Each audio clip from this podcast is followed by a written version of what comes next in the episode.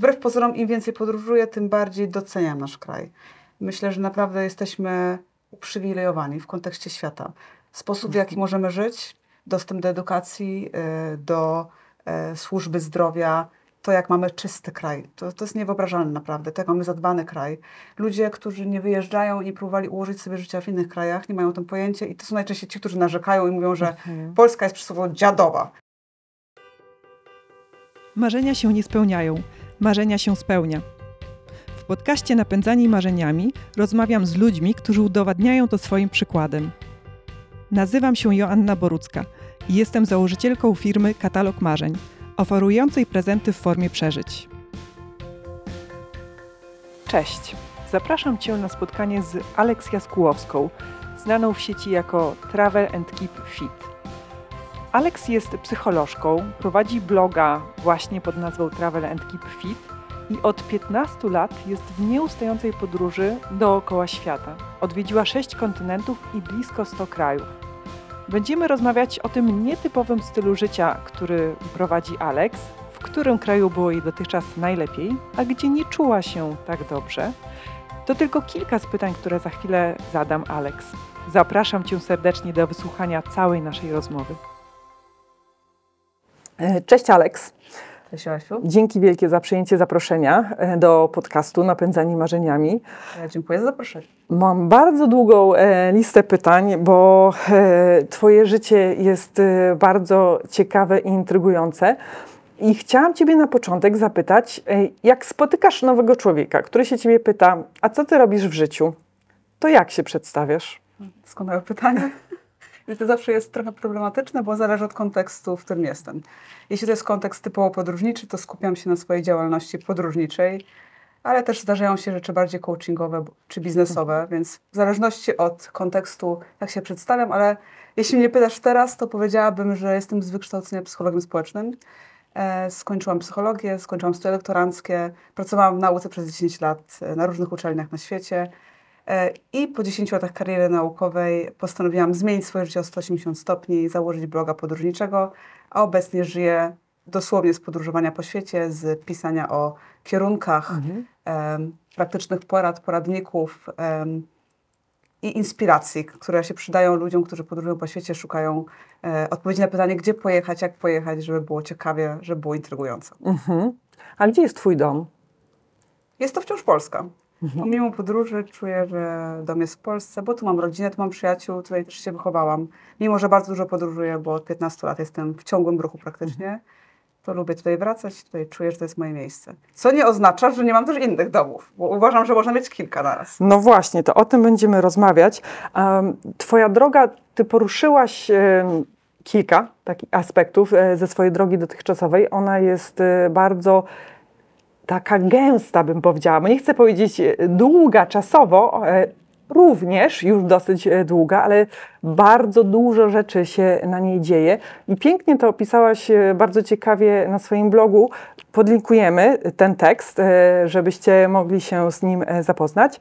A ja chciałam Ciebie teraz poprosić o takie streszczenie, takie główne kamienie milowe, żebyś e, opowiedziała naszym e, słuchaczom i, i widzom. Mhm. Czy pytasz teraz o blog, o moją karierę blogową? Wiesz co, pytam w ogóle... O, ogólnożyciowo. Ogólnożyciowo, ogólnożyciowo, mhm. tak. Właśnie od czego się to zaczęło, że mm, koniec końców, że dzisiaj podróżu, podróżujesz, tak? Bo już y, wyczytałam na Twoim blogu, że to się zaczęło, ta miłość do podróży w dzieciństwie. Skażecie.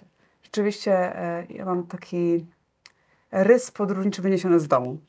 Moi rodzice bardzo lubili podróżować i spędzaliśmy wakacje na podróżach po Europie e, w tamtych czasach, czyli 25 lat temu. Każde wakacje rodzice starali się zorganizować, przygotowaliśmy się cały rok do wyprawy, jeździliśmy samochodem po Europie, więc wtedy mi pokazali, co to znaczy w ogóle być w trasie, jak to jest odkrywać nowe miejsce, zaszczepili mi ten, e, ten taki aspekt poznawania świata mhm. i ciekawości do świata, więc na pewno e, dom ma tutaj duże znaczenie i wyniesione pewne zachowania e, z, z domu i takie podejście do chęci odkrywania.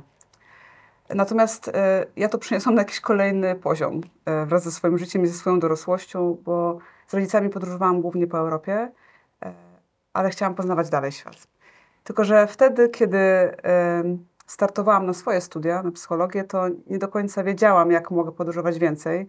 I okazało się, że w jakiś sposób podróże łączą się z nauką, ponieważ nauka była moją ogromną pasją przez wiele, wiele lat i miałam stypendia badawcze i granty naukowe, prowadziłam swoje badania doktoratu. E, I to były badania międzykulturowe. E, z takim rysem właśnie międzykulturowym, więc każda okazja, żeby gdzieś pojechać, żeby poznać e, nowy kraj, żeby zobaczyć, jak się w nim pracuje i mieszka, była moja po prostu. Mhm. Zapisywałam sobie na listę marzeń i robiłam wszystko, żeby mi się to udawało i teraz z perspektywy czasu myślę, że to bardzo wynikało z pasji do podróżowania, tylko nauka była takim lewarem wtedy, mhm. żeby móc odkrywać świat bardziej. E, a potem się okazało, że można to robić jeszcze na 100 innych sposobów i teraz ta sama pasja jest przelana po prostu w blog podróżniczy i w tworzenie materiałów stricte podróżniczych. Mhm. E, ale rzeczywiście jest tak, że zaczęło się od nauki i od studiów za granicą. Pierwsze moje studia to była Korea Południowa. E, tam dostałam stypendium naukowe. Mm, spędziłam pół roku w Seulu. To był mój pierwszy wyjazd w ogóle do Azji. Pierwszy wyjazd tak daleko na inny kontynent. Pierwszy taki samodzielny wyjazd, że po prostu jechałam sama, nie wiedziałam o co chodzi, gdzie, co, jak. Nikogo nie znałam niesamowita lekcja życia, ale to był też taki początek e, do dalszego eksplorowania świata w ten sposób. Mhm. E, wyczytałam też, że ważną e, rolę w Twoim życiu odgrywał, nie wiem na ile wciąż odgrywa, sport i różnego rodzaju aktywność. I Twój blog zresztą nazywa się też Travel and Keep Fit. Skąd ten sport, y, co on wniósł do Twojego życia?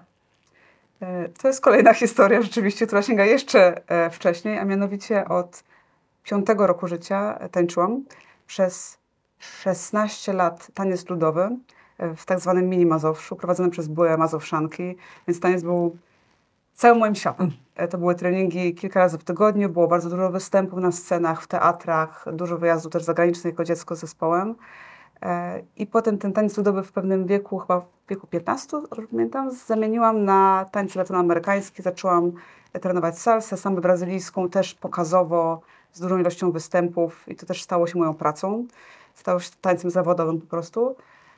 E, więc ta pasja do tańca, do ruchu zawsze była. Długo, przez 18 mhm. lat, aż stanęłam przed wyborem, ok, albo idziesz w karierę typowo taneczną, zawodową, ale to wymaga bycia w jednym miejscu, albo wybierasz karierę e, naukową i studia. I ja wybrałam te studia, nie żałuję absolutnie, mhm. więc po 18 latach zakończyłam swoją przygodę z tańcem i po prostu wyjechałam na studia za granicę, poświęciłam się zupełnie innym, innemu obszarowi. Ale sport mhm. cały czas jest w moim życiu i cały czas jestem aktywna i moje podróże też są aktywne, outdoorowe. Y to jest bardzo ciekawe, co powiedziałaś, bo nie ustalałyśmy e, tych pytań, a ja mam e, kolejne pytanie na mojej liście, przeczytam je. Czy były takie momenty, że dochodziłaś do swoistego rozstaju dróg, że wiedziałaś, że naprzód prowadzą dwie ścieżki, jedna w lewo, druga w prawo? Właśnie przed chwilką e, opowiedziałaś o, jednym, o takim jednym momencie i chciałam się zapytać, jak ty tego wyboru dokonywałaś? Sercem czy głową? Czy może jakoś w połączeniu? ja jestem takim charakterem, który ciągle poszukuje i potrzebuje nowych bodźców, więc wydaje mi się, że to jest jakby wytrych do tego wszystkiego, że kiedy dochodzę do jakiegoś poziomu specjalizacji w czymś, to potrzebuję czegoś nowego, żeby się od nowa uczyć, próbować, sprawdzać się, stawiać sobie nowe wyzwania przed sobą. Więc wydaje mi się, że to był taki moment, że miałam już karierę taneczną zbudowaną, wiedziałam z czym to się je, jak to jest tańczyć na scenie, jak to jest na tym zarabiać i chciałam spróbować czegoś innego. Chciałam, marzyłam zawsze, żeby studiować psychologię od mhm. dziecka. Akurat to, ta historia jest absurdalna, bo ludzie często nie wiedzą aż do studiów, co chcieliby studiować. Ja od 10 roku życia, jak ktoś się pytał, wiedziałam, że będę psychologiem. Nic nie rozumiałam, co to znaczy tak naprawdę, ale gdzieś mi się wydawało, że kontakt z ludźmi to jest moja bajka. Um, więc tak, to, to przyszło naturalnie po prostu. Mhm. Skończył się jeden temat, poczułam, że się już w nim nie rozwijam bardziej i potrzebuję czegoś nowego. Podobnie było gdzieś z nauką i potem przejściem w zawodowe podróżowanie mhm. i posiadanie bloga podróżniczego. Podobno tak co 7 lat człowiek się y, zmienia i taki nadchodzi nowy y, etap w życiu. Nie wiem, czy liczyłaś, czy właśnie to są takie siedmioletnie momenty. Mogę to nałożyć trochę. Mhm. Ja też jestem zdania, że w XXI wieku nie musimy wybierać i rezygnować jakby zrezygnowałam z tańca zawodowego, ale wciąż był sport obecny w innej formie w moim życiu. Podróżowałam, podróżowałam aktywnie, więc cały czas czułam, że to jest styl życia podtrzymany. E, zanim blok mi się rozwinął na wysokim poziomie, to wciąż jeszcze jedną nogą stałam w nauce. cały czas ta psychologia w moim życiu jest, cały czas zajmuję się psychologią biznesu, pracuję z klientami, coachingiem, więc to też nie jest tak, że ja rzucam jedną rzecz, przekreślam grubą linią i idę dalej, jak taran do przodu. Nie, właśnie wydaje mi się, że sukcesem we współczesnym świecie jest to, że możemy inkorporować różne tematy ze sobą, miksować i czerpać ze wszystkiego po trochu. Bo to, to stanowi o naszym jestestwie i sprawia, że jesteśmy tacy, a nie inni. No przecież ja się nie wyprę teraz 10 lat nauki, psychologii, nie wyprę się pasji do tańca, do ruchu. To wszystko jakby o mnie stanowi teraz. Tak, i wzbogaca przeogromnie. Tak, bo to kolejne nowe e, wymiary człowieczeństwa. E, zerkam też na moją ściągawkę, bo chciałam zacytować coś, co e, znalazłam na Twoim e, blogu. Piszesz, że całe życie słyszałaś, że czegoś się nie da, że się nie powinno, że nikt inny tak, że nikt inny tak nie robi, więc to jest niemożliwe. A ty się nie poddałaś. To wiem już z tego, co opowiadasz i z całej Twojej historii. Skąd miałaś w sobie tą siłę, czerpałaś tą siłę właśnie, żeby iść tą swoją e, drogą, pomimo e, tych e, niesprzyjających głosów? Te wszystkie elementy, o których teraz mówisz, to rzeczywiście powtarzały się od szkoły gdzieś tam. Zawsze w szkole też było coś, że się nie da tak, nie tak trzeba myśleć. Ze śmiesznych historii, które w ogóle... Teraz, teraz mi przyszła taka historia do głowy. Nawet nie, nie myślałam o tym, żeby o tym powiedzieć, ale trochę to pokazuje. E, Ja zawodowo piszę teraz od wielu lat, w nauce też. To jest jakby część tak bardzo ważna e, mojej ścieżki e, naukowej i mojej ścieżki kariery, pisanie. Natomiast ja nie zdałam na przykład próbnej matury z języka polskiego. Byłam w klasie z rozszerzonym językiem polskim, a nie zdałam tylko dlatego, że moja interpretacja nie pasowała pod klucz wtedy.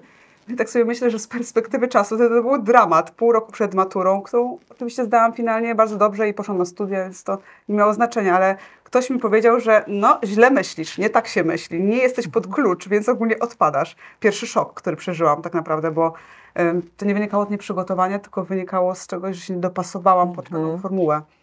E, Tego samego doświadczałam niestety w swojej karierze naukowej na uczelni, starając się o różne stypendia badawcze na świecie.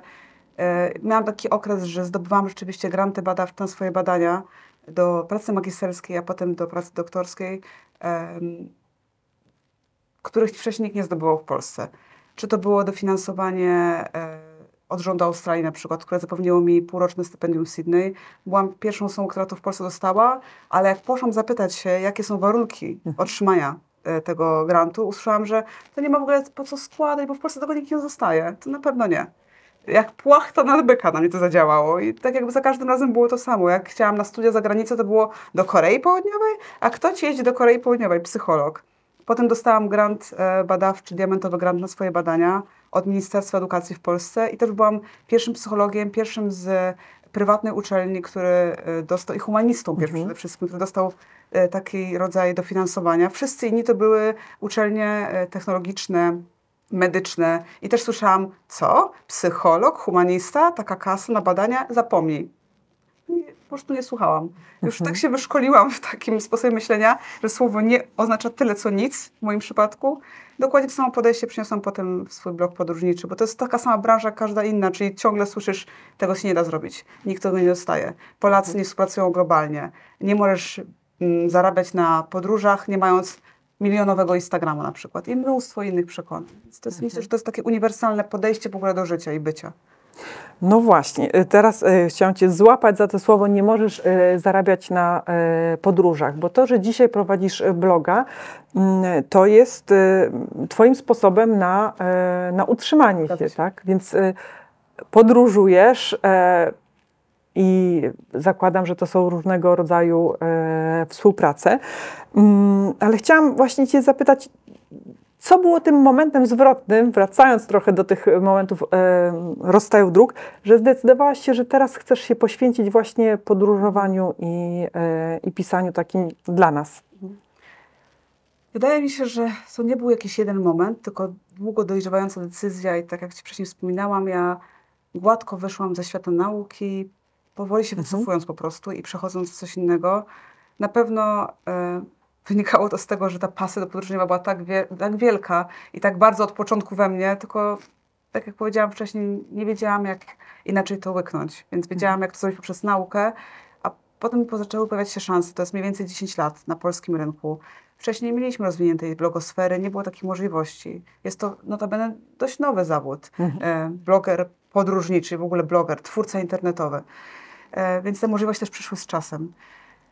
Ale wydaje mi się, że historia mojego bloga akurat nie jest, e, nie jest jakaś oryginalna pod tym względem, bo ja bardzo lubiłam pisać, ponieważ bardzo dużo podróżowałam ze względu na swoje stypendia naukowe, to starałam się ten czas wolny, który mi zostało, wykorzystywać na zwiedzanie danych miejsc czy krajów.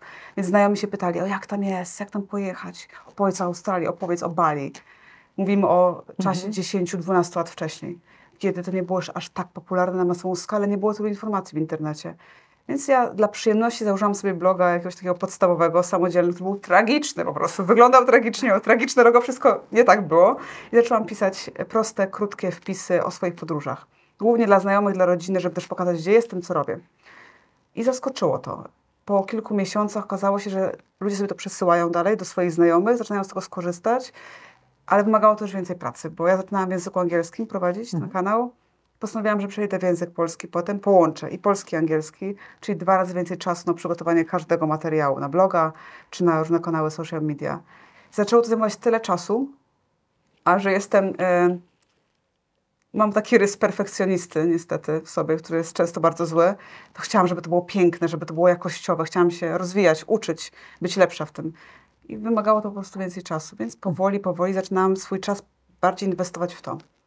Aż w końcu stanęłam przed wyborem, ok, musisz wybrać, bo nie da rady ciągnąć na maksa kariery naukowej i tutaj kariery w blogowaniu, w podróżowaniu. Musisz wybierać.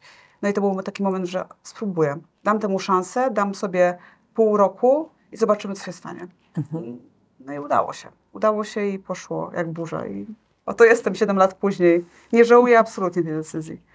I Jak dzisiaj wygląda? no Nie zapytam cię o dzień, bo dzień to na pewno. Niepodobne. Właśnie, tydzień pewnie też nie, może miesiąc, e, a może bardziej e, rok. Czy te wyjazdy, na które wyjeżdżasz, to one mają jakąś wspólną charakterystykę, że to jest, nie wiem, zazwyczaj tydzień, a może weekend, a może miesiąc. To bardzo zależy od projektu, bo em, moimi głównymi klientami obecnie e, są destynacje, są tourism boards, są agencje turystyczne, agencje marketingowe danych krajów, hotele, em, biura podróży. E, I zależy od tego, jakie oni mają projekty. Na przykład, wymyślmy sobie, Niemcy chcą mm, zareklamować dany region na okres lata dla turystów z Europy. Chcą przedstawić, jakie tam są atrakcje. Włożyli budżet, powiedzmy, w dany region i chcą, żeby to było ich flagowy temat na bliższe wakacje. I na przykład zapraszają osoby takie jak ja, żeby pojechały na tydzień, dwa, zależy od projektu, jeśli to jest na przykład Europa, przygotowały materiały o tym miejscu, czyli jak wygląda podróżowanie w danym regionie, co fajnego można zrobić, e, jakie są atrakcje, jak spędzić czas. I na tej podstawie przygotować materiał i zachęcić po prostu turystów do tego, żeby wakacje odwiedzić kraj taki jak Niemcy na przykład. Ale są też projekty dalsze. Ja często wyjeżdżam na kilkumiesięczne tripy. Teraz wróciłam z Kenii, byłam prawie półtora miesiąca w Afryce. Miałam taką objazdówkę e, po całym kraju, więc są też dłuższe projekty. Też od kilku lat mieszkam mm, zimą za granicą. Do tej pory było to Miami. Mm, Stamtąd pracuję. Ale rzeczywiście to jest, jest bardzo dużo podróżowania i bycia w ruchu. To rzeczywiście jest 9 do 10 czasami miesięcy w roku bycia na walizkach. Oprócz tego to jest duża ilość pracy przy komputerze, tylko z różnych miejsc na ziemi. No, bo to jest głównie trzymanie wszystkiego e, no, za kabzę, żeby to działało. Tak. E, aparat, e, komputer, e, Za pankot, za właśnie. drony. Wszystko musi być. Dokładnie. Teraz wszystko w ruchu, a nie, a nie statycznie. Tak, stąd też e, taka forma nagrywania e, naszego podcastu. Mm, A jak wybierasz te kolejne miejsca? Czy to jest e, bardziej tak, że zgłaszają się do ciebie właśnie różne firmy, instytucje, czy to jest tak, że masz marzenie, że chcesz pojechać do Kenii, Azji, Ameryki Południowej i tam szukasz klientów? Em, Dwojako. Na takim poziomie, na którym jestem, czyli rozwiniętej już marki osobistej, rozwiniętego bloga, mam oczywiście propozycje współprac, które do mnie przychodzą. W praktyce odsiewam 95% z nich, bo z różnych względów. Nie pasują mi terminowo, nakładają mi się na inne projekty, e, nie odpowiadają mi do, do końca koncepcje. E, ja mam specyficzny sposób podróżowania. Lubię przyrodę, lubię outdoor, lubię aktywne podróżowanie, lubię znajdować unikatowe miejsca na świecie, przyrodnicze i pod względem doświadczeń. Więc na przykład jeśli przyjdzie do mnie propozycja współpracowania z e, centrum mm, handlowym w Stanach i pokazania, jak fajnie spędza się weekend na zakupach, no to z racji tego, że to nie jest mój obszar zainteresowania, nie wezmę takiego zlecenia. A przychodzą tego? Ja nie pytam bardzo dokładnie, różne, ale. Tak, mhm. bardzo, bardzo różne, więc y, myślę, że tego wielu, wielu twórców nie rozumie obecnie, wielu podróżników. Sukcesem jest to, że ty możesz odmawiać, a nie, że musisz brać wszystko jak leci. Większość moich projektów są projekty, które sama sobie wymyśliłam i ja wciągam partnerów do nich, którzy mi towarzyszą potem. Różne marki, regiony czy kraje. E, wolę w ten sposób, mam kontrolę nad tym, co pokazuję, jak pokazuję i te podróże są po prostu bardzo moje dzięki temu. Mhm. Więc wydaje mi się, że mm, to, do czego zawsze namawiam osoby, które do mnie przychodzą na mentoringi i się pytają, e, jak to rozwijać, jak rozwijać się w branży podróżniczej, jak rozwijać swoje kanały, jak współpracować, to zawsze mówię, że kluczem jest to, żeby dążyć do tej wolności wyboru i wolności kreacji, czyli wybierania sobie partnerów. I nie ma nic złego absolutnie e, w zaczynaniu rozmowy jako pierwszy. Nie trzeba czekać i czekać, aż się pojawi szansa i ktoś nas zauważy. Ja w ogóle jestem przeciwniczką takiego podejścia życiowo. Nauce też nigdy nie czekałam, tylko zawsze parłam do przodu i sama się zgłaszałam. I dzięki temu miałam te projekty. To mhm. Samo to się nic nie robi niestety w życiu. Dokładnie. Również tutaj. Tak, trzeba stwarzać swoją rzeczywistość, a nie... I to się nigdy nie kończy. Niezależnie od tego, jak bardzo e, masz rozwinięty kanał, pracę, biznes, mhm. cały czas trzeba walczyć o swoje szanse. E, użyłaś wcześniej takich słów e, doświadczenia, aktywności, przeżycia. Mhm. Teraz mówimy o stwarzaniu. Czy ty masz stworzoną bucket listę i właśnie taką listę doświadczeń, e, które chciałabyś zrealizować? Jasne, tak. Jasne, że tak. I cały czas ona się wydłuża, ale też weryfikuję ją z biegiem lat, bo się mhm. okazuje, że coś, co podobnego słowałam, już nie było aż tak dla mnie interesujące i na przykład zamieniam coś innego. Mhm. Teraz jakby moim topem absolutnie są najpiękniejsze, najbardziej, najtrudniejsze do dotarcia miejsca przyrodnicze na świecie. Marzy mi się Antarktyda. E, nie byłam w Kanadzie, chciałabym objechać Kanadę od takiej strony mhm. dzikiej. E, kiepsko znam Afrykę jeszcze, więc dopiero zaczynam ją eksplorować. Kenia była takim, oprócz RPA wcześniej, mhm. byłam kilka lat temu i północnej Afryki to Kenia była moim takim pierwszym afrykańskim krajem, którym udało mi się objechać na własnych zasadach samochodem. Więc jeszcze dużo przede mną. Mimo, że mam na koncie prawie 100 krajów odwiedzonych, 6 kontynentów i wielu z nich mieszkałam, to to się nigdy nie kończy. Mhm. To jest według mnie wspaniałe. To prawda, że to jest wspaniałe i jednocześnie jest taki trochę ukłucie, że kurczę, ciężko jest y, y, zdążyć, zrobić wszystko, zobaczyć wszystko. Stąd bucket listy y, są takim fajnym narzędziem, które nas e, ukierunkowuje. I z tej twojej dotychczasowej bucket listy, to co wspominasz, co jest takie najbliższe twojemu sercu? Jeśli chodzi o podróże, tak?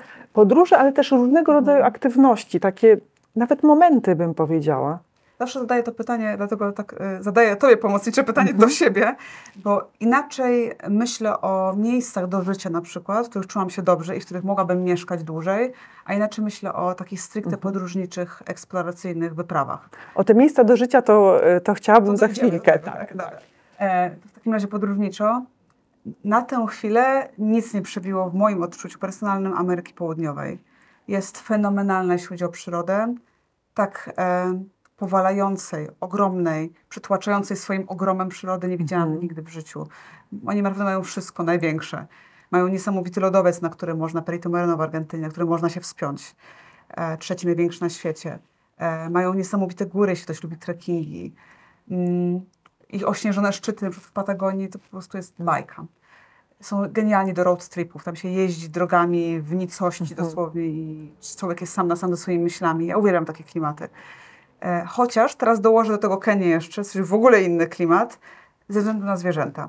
Rzeczywiście to, ile ja wzruszeń doznałam w Kenii, oglądając dzikie zwierzęta, e, jest niewiarygodne. Po prostu codziennie się wzruszałam podczas tego mhm. wyjazdu, jak e, naprawdę jakieś, e, jak, jak telenowela, e, widziałam lwa i tak blisko, sło, jaki słonik, mimo że widziałam dzikie zwierzęta też, ale nie w takiej ilości, nie tak blisko, nie tak na wyciągnięcie ręki i nie z takim poczuciem, że jestem uprzywilejowana, bo mnie wpuściły do swojego świata. No właśnie, one są u siebie, a nie tak jak wzory. Jesteś gościem i one ci na to pozwalają, mm. żeby, żebyś był tym gościem. Możesz współistnieć z nimi w tej rzeczywistości. I cały czas myśl, którą miałam każdego dnia w Kenii, to była, jakie nasze problemy są nieistotne e, w kontekście mhm. tego piękna świata i przyrody, którą mamy wokół. I często o tym zapominamy. Mhm.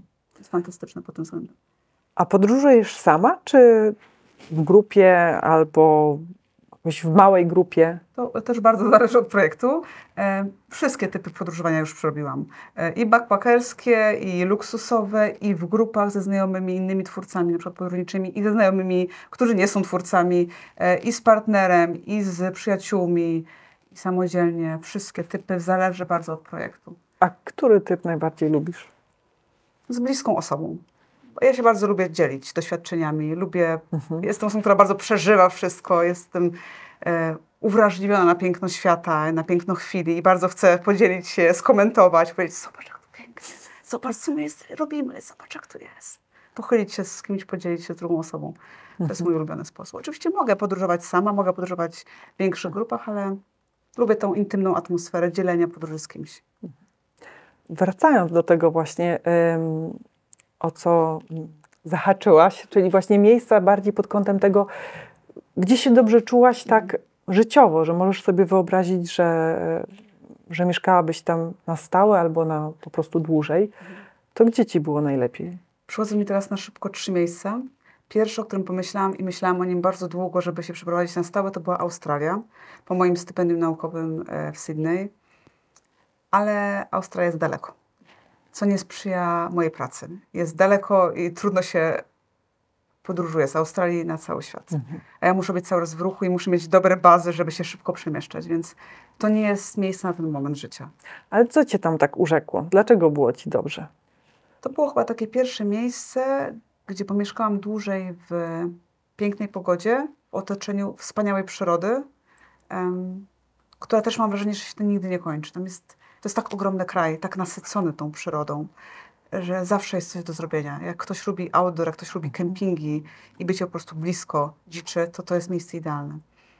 I ja bardzo sobie ceniłam ludzi na miejscu, bo byli uśmiechnięci, byli otwarci, byli wyluzowani.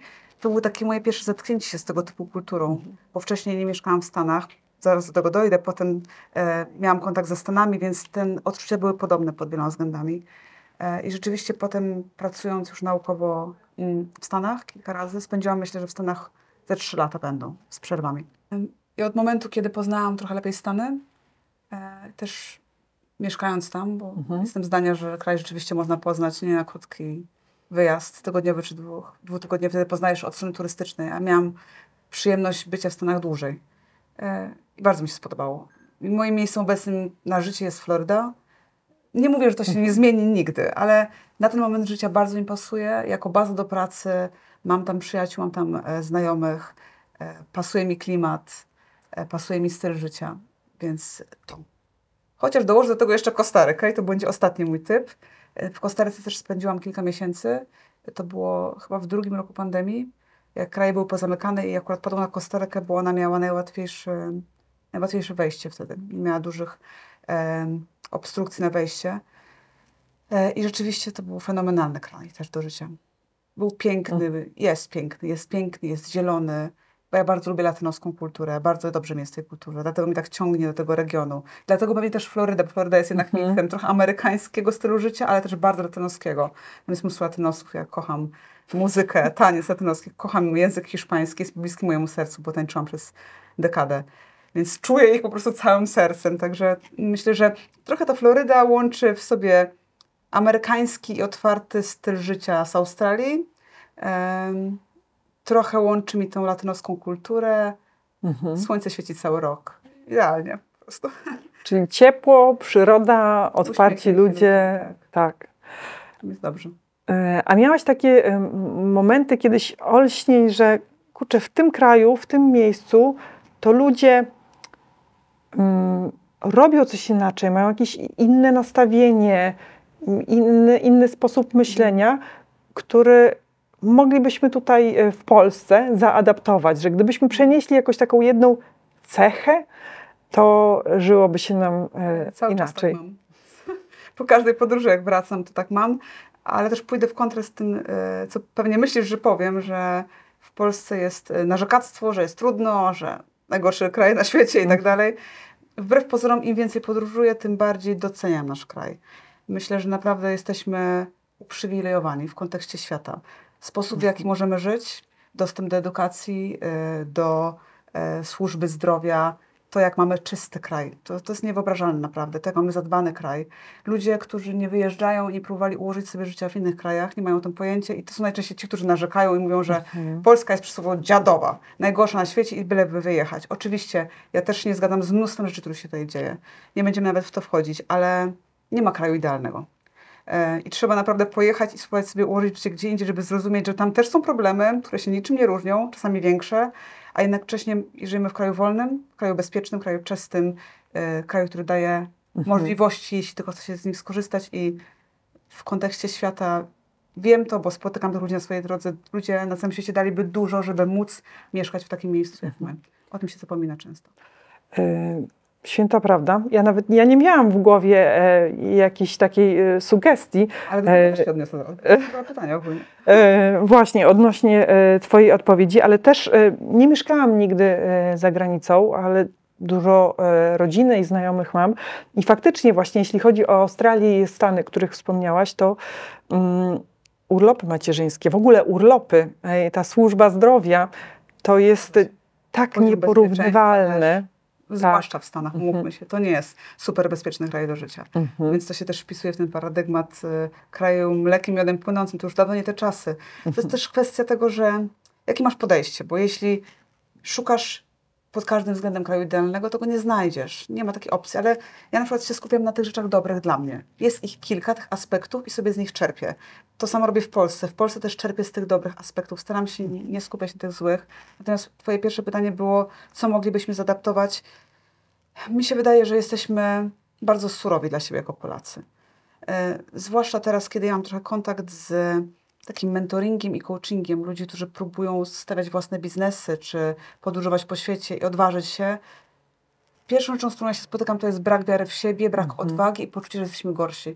Nie jesteśmy w niczym gorsi i tego podejścia nie spotykam wśród Francuzów, Niemców czy Amerykanów. Oni nie mają w ogóle paradygmatu bycia gorszym od kogoś urodzą się, mhm. wychowują w takim przeświadczeniu, że mogą wszystko. Gdyby chociaż promil tego został zaadaptowany do naszej polskiej kultury, żebyśmy mogli być dla siebie bardziej łaskawi, mhm. e, bardziej wyrozumiali i mieć takie poczucie, że nie ustępujemy niczym, a możemy bardzo dużo, to myślę, że by nam się łatwiej żyło ogólnie. Mhm. I to jest bardzo przykre w kontekście, w kontakcie z Polakami, to doświadczenie takiego stopowania się i sabotażu, tak bym to nazwała. Mhm.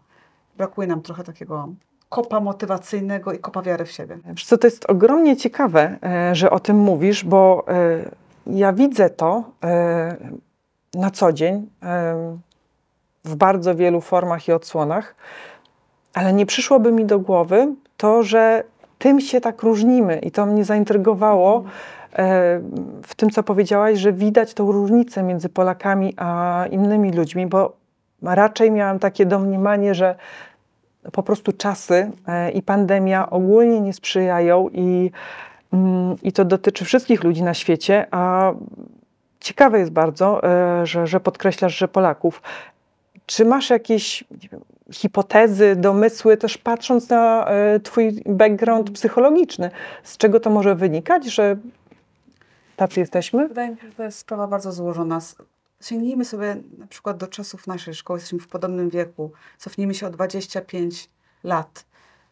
Każdy miał w szkole nauczyciela, który mówił mu gdzieś tam ma taki kontakt lub słyszał do kolegów, że jesteś nikim, nic z ciebie nie będzie. Mhm. Angielski musisz mówić z brytyjskim akcentem, bo inaczej się w ogóle nie odzywaj, bo to jest żałosne nie mówić z brytyjskim akcentem. Jeśli słuchasz całe życie czegoś takiego, mhm. jeśli wychowujesz się w kraju, o którym się mówi, że jest Europą Wschodnią, biedniejszą, gorszą, to zaczynasz tak myśleć, bo po prostu dorastasz w takim przeświadczeniu i potem bardzo trudno się wybić z takiego poczucia. Mhm. Ja, ja tego też doświadczyłam jadąc stosuję za granicą. Ja osobiście nigdy nie czułam się gorsza, ale widziałam, co się dzieje wśród swoich znajomych, którzy też próbowali i bali się zaryzykować, bo bali się, że będą postrzegani jako ten gorszy sort, gorszy sort Europy. Mhm. To się już zmienia. Ja widzę, że teraz to młodsze pokolenie, które teraz jest w szkołach, już tak o sobie nie myśli, więc na szczęście idziemy w tą lepszą stronę. Wiesz, Myślisz, m- właśnie dwa dni temu został udostępniony taki e, raport e, m, Fundacji e, Martyny Wojciechowskiej, który pokazuje, że właśnie myślą tak dzieci i że przeogromny procent, e, nie pamiętam, ale chyba ponad 50% właśnie e, myśli o sobie, że są nic nie warci. Mhm. I źle, na różne sposoby o, o sobie te młode dzieciaki e, myślą. Czy to jest kwestia mm, po części wychowania i systemu, na przykład edukacji w Polsce, czy to wynika ogólnie z tego, co się dzieje na świecie, czyli mamy social media, które podbijają ten hejt do granic. Stało się coś, co było zawsze na świecie, czyli nic nie zmieni tego, że nie jesteśmy równi w, w kontekście dochodów na przykład. Zawsze ktoś miał więcej, ktoś był bogatszy. To było od początku dziejów, od zarania Mhm. dziejów. Tylko teraz to widać, bo są social media i nagle osoby, które mają więcej, są bardziej uprzywilejowane, mogą to pokazywać i tym epatować. Te, które mają mniej, nagle zobaczyły na własne oczy, że mają mniej i cały czas im się o tym Mhm. przypomina. Więc zastanawiam się, czy to jest kwestia tylko naszego kraju, czy tego, co się ogólnie dzieje na świecie e, w kontekście gonienia za króliczkiem Tak. też takiego dokręcenia tych social media, niestety. A słuchaj, wracając do Ciebie, bo to są niezwykle e, ważne tematy i e, no, zasługują na, e, na rozmowę, ale ważne też, żeby pokazywać właśnie te przykłady mm, pozytywne. Tylko mówię przykłady pozytywne, a jednocześnie chciałam się Ciebie zapytać o taką drugą stronę medalu, bo pytałam się, gdzie się czujesz najlepiej, a chciałam się też zapytać, czy były takie miejsca na świecie, gdzie czułaś, że chciałabyś wrócić do Polski. O, może pozytywne w tym kontekście, w sensie, że tam ci było niedobrze, że, że w Polsce jest dużo lepiej. We wszystkich krajach, w których dane mi było mieszkać przez dłuższy okres czasu, nie miałam takiego poczucia. Zawsze znajdowałam Mhm. coś dla siebie, co mi się podobało. W kontekście podróżniczym byłoby nieuczciwie to oceniać, bo pojechanie nawet na 3-4 tygodnie, nawet na dwa miesiące gdzieś, to jest za krótko, żeby oceniać dany kraj, tak mi się Mhm. wydaje. Mogę ocenić jego aspekty podróżnicze czy turystyczne, ale nie pokusiłabym się o taką holistyczną ocenę.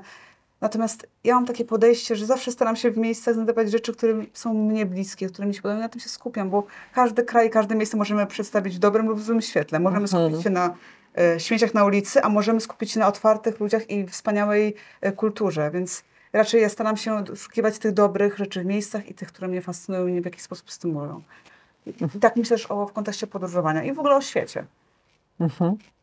Dziękuję bardzo, że mnie tak, e, że tak powiem, skorygowałaś trochę, bo e, i e, mm, ta odpowiedź mnie tak bardzo pozytywnie zaskoczyła, bo faktycznie tak myślałam, że a może powiesz coś złego o jakimś kraju, ale nie złego, żeby powiedzieć Nie jedźcie tam. Właśnie, nie jedźcie tam, Mm, ale taki fajny, fajny twist i to, że pokazałaś, że można na każdą jedną sytuację patrzeć przez te mm, różowe okulary, szukając tych pozytywów, to, e, to bardzo cenne. Każde miejsce czegoś uczy, każde miejsce w jakiś sposób rozwija, jeśli tylko chcemy się uczyć i Mhm. dostrzegać pewne rzeczy. Ma miejsc na świecie, wydaje mi się, które nie wnosi nic, Mhm. jeśli człowiek naprawdę nie chce skorzystać. Czy podróżujesz czasem tak stricte dla relaksu? Nie po to, żeby zrealizować jakiś, jakiś projekt, nie po to, żeby wrzucić e, jakieś zdjęcia na social media czy napisać post na bloga. W ogóle takie miejsca, o których nie mówisz, że wyjeżdżasz, bo jedziesz tam tylko dla siebie.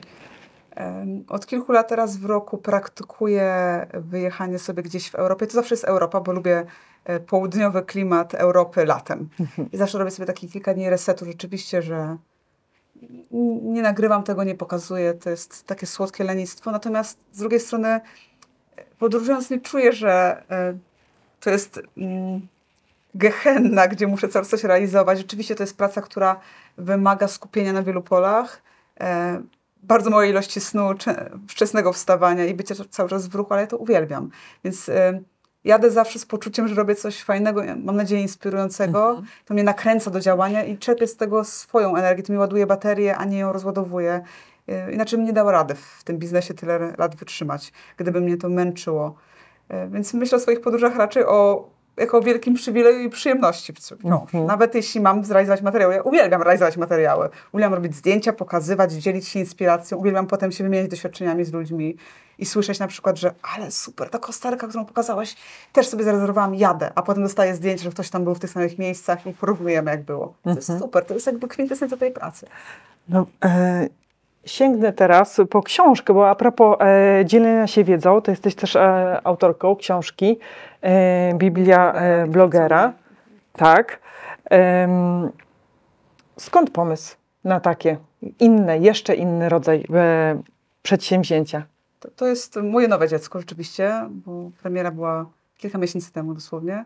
E, I też moja trochę inna odnoga, bo tutaj skupiam się e, w Biblii Blogera i Twórcy Online, która jest kompendium wiedzy, największym na, w polskim rynku, dotyczące tego, jak monetyzować, tak, Mhm. 600 stron ponad, to czucie widać.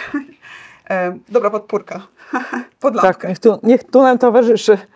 E, W każdym razie jest to kompendium wiedzy największe na polskim rynku, które prawi o tym, jak od A do Z zbudować swoje kanały w sieci, jak zmonetyzować swoją pracę i pasję do podróżowania, jak zacząć zarabiać na swojej pasji. E, Zaczynając od zera, n- nie trzeba naprawdę mieć ogromnej wiedzy i mnóstwa talentów, tak jak się często wmawia ludziom, że trzeba być wyjątkowym. Nie trzeba być wyjątkowym, to jest zestaw pewnych strategii, narzędzi, umiejętności, które są wyuczalne dla każdego. Jeśli ktoś chce się nauczyć, to jak najbardziej z Biblią Blegara jest w stanie stworzyć od zera kanały, które będą nie tylko funkcjonowały globalnie, czyli czy to jest blog, czy to jest YouTube, czy to są kanały na social media, ale przede wszystkim przełożą się na ten lifestyle i na pracę, dla wielu pracę marzeń, czyli podróżowanie po świecie i zarabianie na tym. Mhm. No właśnie tak to brzmi Twoja praca, e, jak praca marzeń. Mi się wydawało, że e, stworzyłam taką firmę, e, mówię teraz o katalogu marzeń, w której właśnie praca jest pracą marzeń, ale to, co Ty robisz, No jak, E, masz wspaniałą pracę, też spełniasz marzenia. jej, jest absolutnie wspaniała, e, absolutnie wspaniała, żeby to e, wybrzmiało, e, ale myślę, że to, Czyli to to... pomagamy ludziom w marzeniach, to jest o, cóż za wspaniała misja. dokładnie Możemy tak, być chyba dumne, że to tak się obróciło życiowo. dokładnie tak. Dużo dawania innym, dużo dobrego. Tak. No i właśnie, a propos marzeń, to jakie masz y, kolejne y, miejsce, do którego y, planujesz się wybrać? Bardzo bym chciała tą Antarktydę, o której e, wspominałam. E, bardzo bym chciała Kanadę, którą już od Mhm. długiego czasu e, odkładam na bok. I teraz, jak już zasmakowałam w Afryce, to chciałabym bardziej poeksplorować Afrykę. Jeszcze Mhm. jest tam tyle do zobaczenia, to jest przecież ogromny kontynent.